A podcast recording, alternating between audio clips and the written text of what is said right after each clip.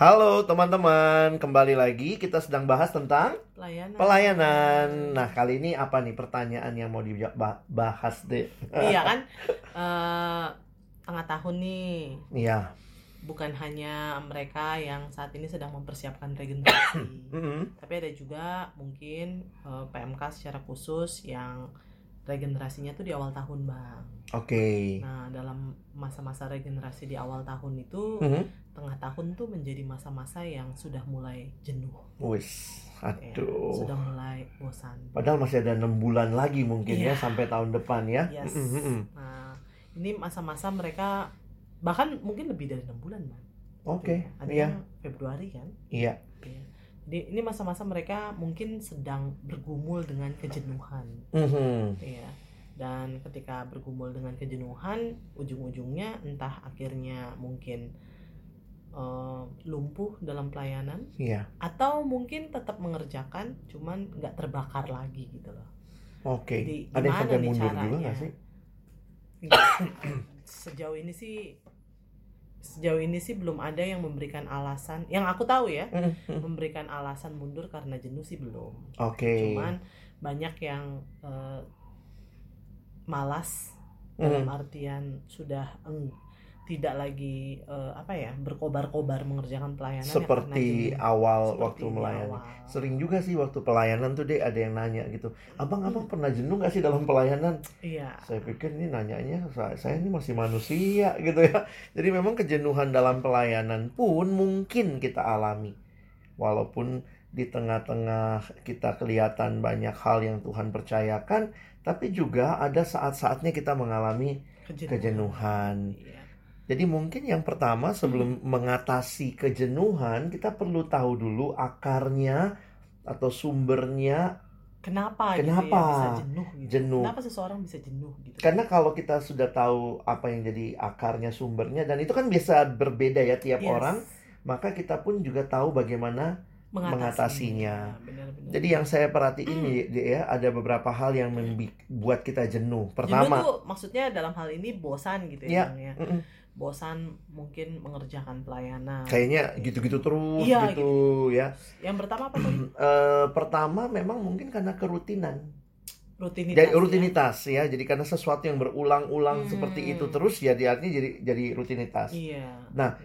Ada tantangan gitu ya kayak ah ya udahlah hari ini minggu ini nyiapin PJ minggu depan nyiapin, Nyiapin PJ lagi gitu. minggu ini kelompok Mm-mm. kecil kelompok kecil minggu depan ya kelompok kecil siapin Mm-mm. bahan ya siapin bahan lagi gitu kali Betul. Jadi ada hal-hal yang kayaknya kok itu lagi itu ya. lagi Hmm. begitu.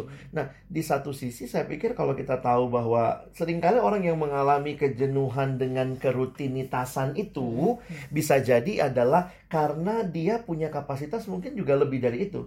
oke Jadi sebenarnya bisa juga dia menantang dirinya untuk mengambil tanggung jawab lebih Oke. karena merasa wah kok kalau cuma begini-begini doang begitu ya. kalau mereka jenuh alasannya karena rutinitas ya bang ya Iya. Nah, kalau misalnya mereka jenuh karena alasan yang lain tuh gimana? Misalnya Mm-mm. alasan alasan selain rutinitas kan biasanya alasan kejenuhan tuh bisa misalnya karena kecapean fisik Oke. gitu ya. Nah, ini juga kecapean itu lelah kan fisik membuat lelah emosi, membuat membuat Oh, oh. akhirnya juga malas ngerjain apa-apa gitu ya. Tuhan Yesus mager juga Tuhan. Yesus juga ngomong sebenarnya sih Dek Iya. bahwa eh, roh memang penurut tapi daging lemah. Hmm, oke. Jadi walaupun roh kita kayaknya katanya menyala-nyala tapi kalau tubuhnya kurang istirahat ya sama juga. sama. Jadi karena itu kita mesti mengingat kita ini kan manusia kesatuan tubuh dan roh gitu ya. Oke. Sehingga saya pikir dalam melayani biar tidak jenuh ya salah satunya istirahat dengan cukup. Oke, berarti Ja- sebenarnya hal hal Heeh. sahabat tuh penting gitu ya. Penting untuk kita punya waktu istirahat Hmm. dan juga sering kali karena kita mengambil tanggung jawab melampaui kapasitas diri. Itu juga Oke, bisa. Oke, oke, oke. Ada orang yang punya sindrom apa?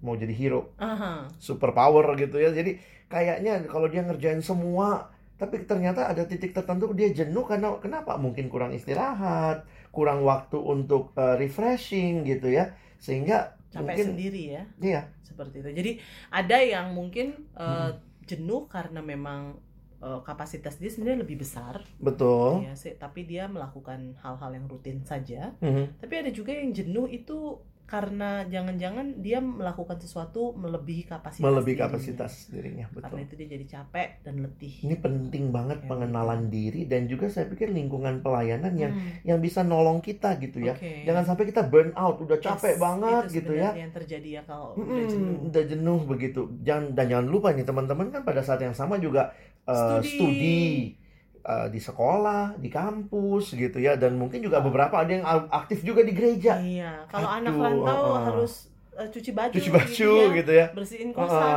mungkin jadi kadang-kadang tanpa sadar kita mengambil sesuatu yang melampaui kapasitas, kapasitas diri, kita. gitu ya. Begitu. kapasitas fisik secara khusus hmm, Iya.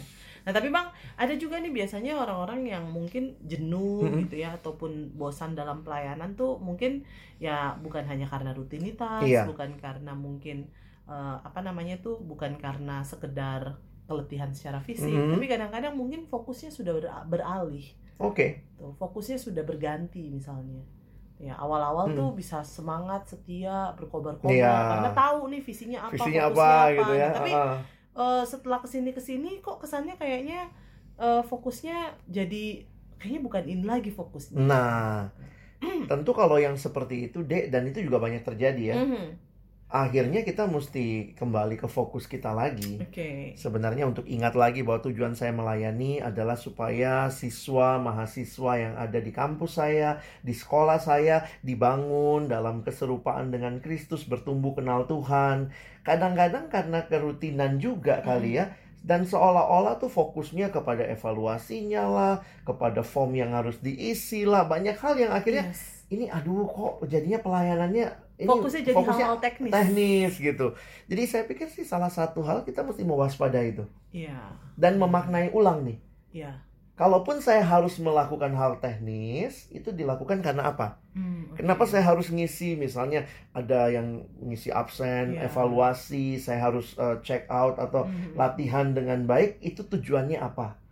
Yaitu supaya siswa mahasiswa bertumbuh kenal Tuhan. Sehingga mungkin ini terkait juga ya bang. Hmm. Evaluasi itu menjadi penting bukan kar bukan cuman sekedar laporan rutin yang nggak ada maknanya, tapi Hmm. Betul. sebenarnya evaluasi itu menjadi hal yang sangat penting untuk kita itu mengerti bukan hanya sampai sejauh mana, tapi sebenarnya mengingatkan kita kembali apa sih yang lagi kamu Iya. lakukan. Gitu. Nah, makanya evaluasinya juga mesti ingetin terus nih visinya tuh demi Iya. menghasilkan uh, pribadi-pribadi yang bertumbuh kenal Tuhan. Jadi kalau evaluasinya juga cuman oke, tadi berapa yang datang? Oke, Ah, terus ini kalau uh, evaluasi teknis, teknis ya banget ya, aja, ah. fokusnya bisa bergeser kepada teknis. tentu sih ya teknis-teknis itu akan mendukung pelayanan Yes. lebih baik, tetapi jangan akhirnya terjebak dengan teknis, Yang teknis, itu menjadi hal betul. yang pentingnya gitu. Hmm. Padahal yang pentingnya itu fokusnya bukan itu gitu ya. iya, betul. Kita mesti ingat. Ada juga loh, Dek, Mm-mm. yang jenuh karena nggak taat. Oh oke. Sedang jatuh dalam dosa, Ah, ah, Maaf ya, dosa ini mungkin karena kita juga bisa sangat tampil rohani di luar, tapi coba lihat dalam pergumulan pribadi. Hmm. Jangan-jangan kita masih terjebak pornografi, kita masih punya sakit hati, akar pahit, sulit mengampuni. Mhm. Itu akhirnya bisa jadi hal-hal yang Tuhan percayakan pun jenuh waktu kita Oke. melakukannya.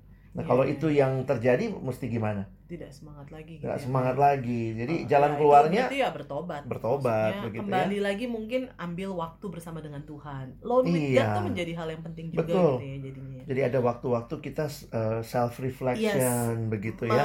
mengevaluasi diri, merefleksikan diri ini selama kurang lebih beberapa bulan melayani Mm. sebenarnya bagaimana kita gitu ya. Iya, dan Seperti saya itu. pikir eh, kalau kita tahu akarnya apa, penyebabnya apa, dan mungkin itu bisa satu dua penyebab ya saling berkaitan. Yes. Tapi kiranya waktu kita tahu itu dengan waktu yang Tuhan kasih dan mungkin juga pelayanan selanjutnya kita tetap bisa bersemangat karena kita sudah Hmm. bisa mengatasinya. Jadi mungkin hal yang Mm. penting terlebih dahulu dilakukan adalah mari ambil waktu untuk self reflection, Iya, alone with God, sahabat untuk tahu gitu. Kenapa sih gue bisa kenapa Seperti sih ini. saya jenuh? Kenapa Mm. saya bosan? Mm-mm.